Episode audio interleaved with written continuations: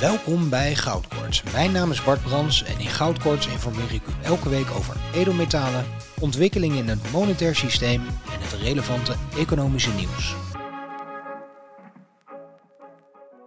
Welkom bij een nieuwe aflevering van Goudkoorts, een initiatief van Gold Republic. Mijn naam is Bart Brans, ik ben een specialist bij Gold Republic. Ik begin vandaag even met uh, nou, een aantal mededelingen.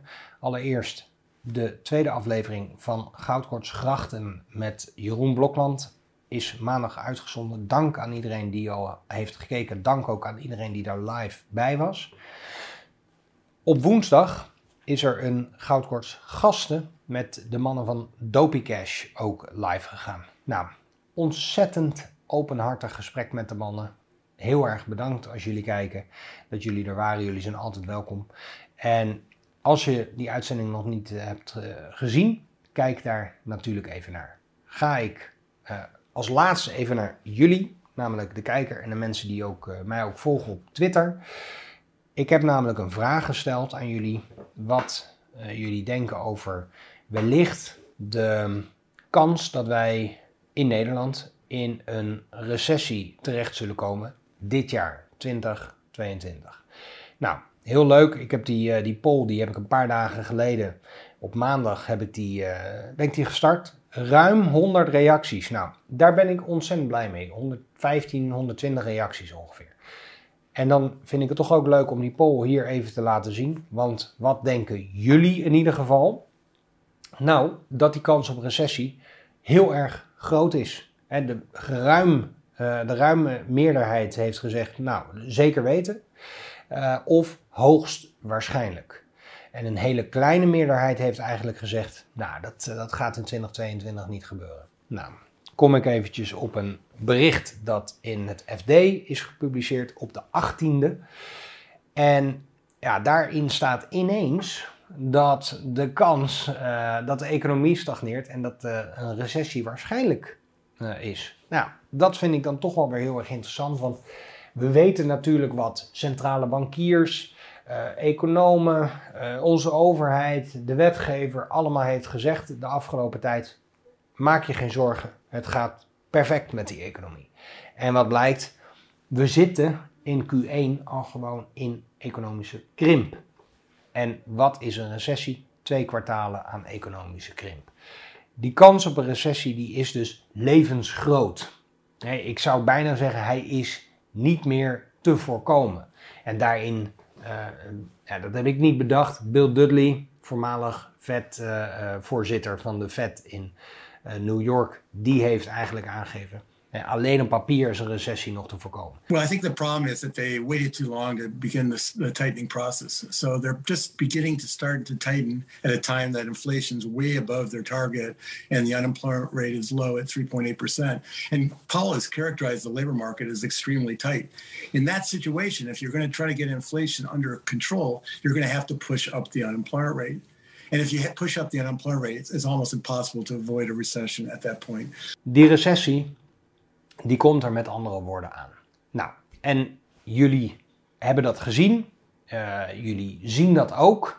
En jullie hebben dus in overgrote meerderheid, ruim 90%, heeft aangegeven: ja, wij vermoeden dat ofwel die recessie zeker in 2020, 2022 losbarst, of dat het hoogstwaarschijnlijk in 2022 gaat gebeuren. Nou, wetende dat Q1 in Nederland al uh, krimp heeft laten zien, zou het zomaar aan het einde van uh, juni al het geval kunnen zijn dat we in recessie zitten. En recessie is natuurlijk altijd terugkijkend pas te constateren. Nou, ik zou zeggen, uh, bereid u uh, voor op die recessie, want die komt er gewoon zeker weten aan. Goed, kijken we even naar de koersen.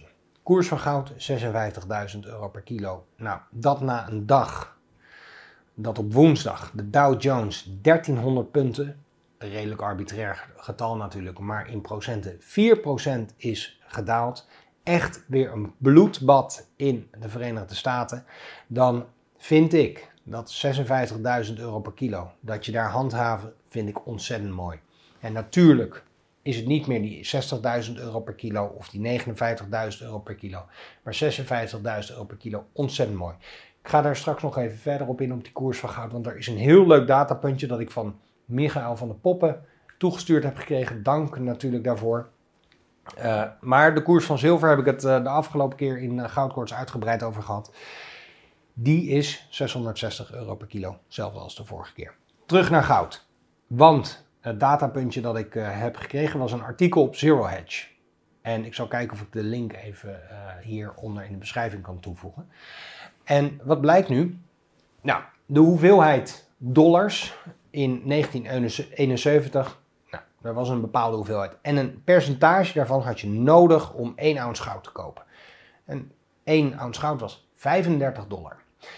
De hoeveelheid, de berg goud is nu zo groot dat je hetzelfde percentage nodig hebt om 1 ounce goud te kopen. En dat met een goudprijs van meer dan 1800 dollar per ounce. Nou, dan zou je dus kunnen zeggen, Kijkend naar die hoeveelheid valuta is een ounce goud nu even duur als in 1971. Ontzettend interessant datapuntje. Niet alleen als we kijken naar die 35 dollar toen in 1971 en die ruim 1800 dollar nu. Maar vooral ook als we kijken naar wat er daarna gebeurde. Want wat gebeurde er in 1971? Nixon verbrak de laatste banden tussen goud en de dollar. Wat gebeurde er van 1971 tot 1980? En daar ga ik dan straks ook weer wat verder op in. De koers van goud liep op in eenzelfde soort economische omgeving als waar we nu in verkeren. Van 35 dollar naar 850 dollar. Ruim 20 keer ging de koers van goud over de kop. In 1980 heeft toen Paul Volcker de rente verhoogd naar 20% Ja, de vraag is dan, kan dat? Kan bijvoorbeeld Jake Powell de rente verhogen naar 20% Nou, er is maar één eerlijk antwoord en dat is namelijk, ze kunnen niet eens naar 5% of 6% Ze kunnen, als we nu kijken naar de markten, Misschien niet eens verder dan waar ze nu zijn. Of misschien nog een procentje erbij. Want de schuldenberg is sinds 1980 zo ver opgelopen dat uh, een renteverhoging werkt als een speld die een enorme, de, de, de, een berg, een bubbel zo groot dat je je niet kan voorstellen, zou kunnen laten klappen. En als we dan kijken naar die 35 en die 1800 nu, en we zien tegelijkertijd dat die 850 die destijds in 1980 is bereikt, ehm, dat er geen mitigerende maatregelen kunnen worden genomen om, dat, om een verdere stijging te voorkomen, omdat ja, de mitigerende maatregelen zou betekenen dat al die schulden over de wereld zouden worden, uh, zouden stromen als een soort enorme vloedgolf, dan is het wellicht ontzettend belangrijk om ook nu te kijken naar je financiële veiligheid. Hey, sorry voor de onderbreking, maar ik wil even iets aankaarten. Wist je dat we bij Gold Republic een spaarplan hebben? Met ons spaarplan beleg je automatisch elke maand in fysiek goud, zilver of platina. En dit kan al vanaf 50 euro. En als jij nu een spaarplan opent, krijg je elke maand 50% korting op jouw transactiekosten. Dus waar wacht je nou nog op? Klik nu op de link voor meer informatie. Dat gezegd hebbende, ga ik even over naar Sri Lanka. En waarom? Nou, in Sri Lanka zijn al een, is al een tijd geleden. Ik, heb dat, toen het gebeurde heb ik het probeer, geprobeerd zo snel mogelijk met jullie te delen. Maar er zijn al wat voedselrellen zijn er gaande. Niet alleen zijn er voedselrellen gaande, er is nu ook sprake van inflatie van 40%. En um, rolling blackouts, met andere woorden, langdurig stroomuitval. Ze kunnen niet eens genoeg energie opwekken om ehm, de lampen aan te houden of de koelkast uh, te laten werken. Nou, ik heb eerder gezegd dat energie absoluut super noodzakelijk is voor alle maatschappelijke groei of het functioneren van een maatschappij als zich. Eh, zonder goedkope en betrouwbare energie vervalt een maatschappij uh, in chaos en keren we terug naar de middeleeuwen. Nou, en er zijn mensen die, die vinden dat noodzakelijk. Eh, dan zou ik zeggen, nou, ga daarin voor En sluit je af van alle vormen van energie en doe het lekker zelf. Ik ben heel erg blij met uh, de maatschappelijke groei, met onze beschaving. Dus ik zou heel graag die goedkope en betrouwbare energie ook behouden. Um, ja, en dan, dan denk ik dat we daar een stuk verder mee komen, omdat we ons dan ook goed kunnen beschermen. Nou, dat gezegd hebbende, die voedselvoorziening, die, de, dreiging van uh, een tekort aan die voedselvoorziening wordt nu ook in westerse landen, denk aan bijvoorbeeld Noord-Amerika, nu een heel reëel en ook acuut probleem.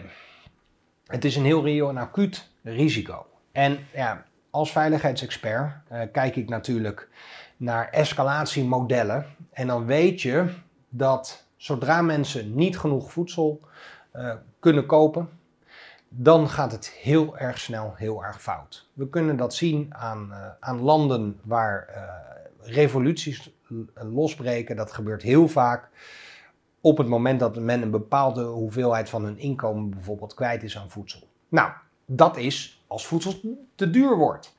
Als het dan niet eens te krijgen is, dan wordt het probleem nog veel groter. Want dan maakt het niet uit hoeveel geld je daarvoor wil uitgeven, hoeveel valuta je daarvoor voor over hebt.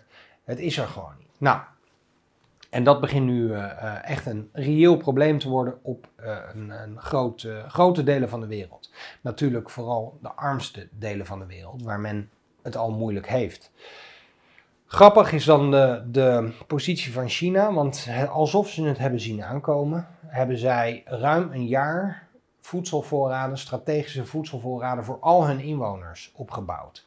Ja, dan gaat het over ruim een miljard mensen die een jaar lang uh, te eten kunnen krijgen. Doordat de overheid die voorraden heeft aangelegd. Interessant datapuntje, want zij zijn dan dus daarmee ook verreweg de grootste oppotter van voedsel. Goed. Um, nou, kijken we toch nog even terug naar wat er in de markten is gebeurd afgelopen woensdag. Namelijk een ontzettend bloedbad. En wat ik daarbij uh, interessant vind om te noemen is dat bijvoorbeeld hele grote winkel- uh, of supermarkten, uh, zoals Walmart en Target, daar ook ontzettend veel last van hebben gehad. En waarom? Ja, dat heeft natuurlijk te maken met het logistieke proces, het logistieke systeem dat helemaal in puin ligt. Er liggen honderden schepen in de havens bij China. China, de fabriek van de wereld. Uh, dat ligt daar allemaal vast. Dat kan, dat vindt zich geen weg naar Noord-Amerika of naar Europa, waardoor bij ons uh, ja, dingen, spullen die we willen of nodig hebben, niet meer te krijgen zijn. Niet meer tegen hogere prijzen, maar gewoon niet te krijgen zijn. En ik vind het heel erg leuk dat jullie mij af en toe, eh, er zijn kijkers en die zitten ook in zo'n logistiek proces. Daar zijn ze verantwoordelijk voor inkopen. Als jullie nog verhalen hebben, stuur ze naar me op. Hè. Je kunt gewoon naar b.brands.goldrepublic.com kun je een e-mail sturen met je verhaal. En dan uh, neem ik dat wellicht mee ook in een aflevering van Goudkoorts. Want uiteindelijk, en dan komt weer even de vergelijking met de jaren 70 terug bevinden we ons in eenzelfde economisch, uh, in economische omgeving als dat we ons toen bevonden. En wat hebben we toen gezien? Hoge inflatie, hoge werkloosheid, met andere woorden stagflatie. En ja, binnen zo'n omgeving is het buitengewoon belangrijk om niet alleen te kijken naar je financiële veiligheid, maar ook naar bijvoorbeeld je voedselvoorziening. We hebben gezien dat in de Verenigde Staten babymelk, uh, melkpoeder gewoon niet meer te krijgen is. Uh, het is gewoon op en daardoor komen nu ook gewoon kleine kindjes, babytjes, die komen in het ziekenhuis terecht. Iets wat je misschien verwacht in een derde wereldland, maar niet in het rijkste land ter wereld. Nou, als het in het rijkste land ter wereld gebeurt, waarom zou het dan niet in Nederland kunnen gebeuren?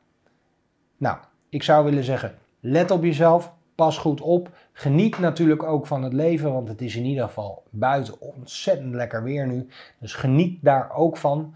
Uh, vond je dit een leuke uitzending? Like hem dan even. Ben je nog niet geabonneerd op het YouTube-kanaal, maar waardeer je onze content? Klik even op die abonneerknop. Heb je de uitzending met Jeroen Blokland of met de mannen van Dopie nog niet gekeken? Kijk daar natuurlijk even naar. Volg me even op Twitter, LinkedIn. En dan zien we elkaar bij een volgende uitzending van Goudkoorts. Dank voor het luisteren. Vond je dit een mooie uitzending? Deel hem dan gerust. Geef ons, als je het nog niet hebt gedaan, ook even een rating. Je kunt ook altijd even reageren op onze social media. Tot een volgende aflevering.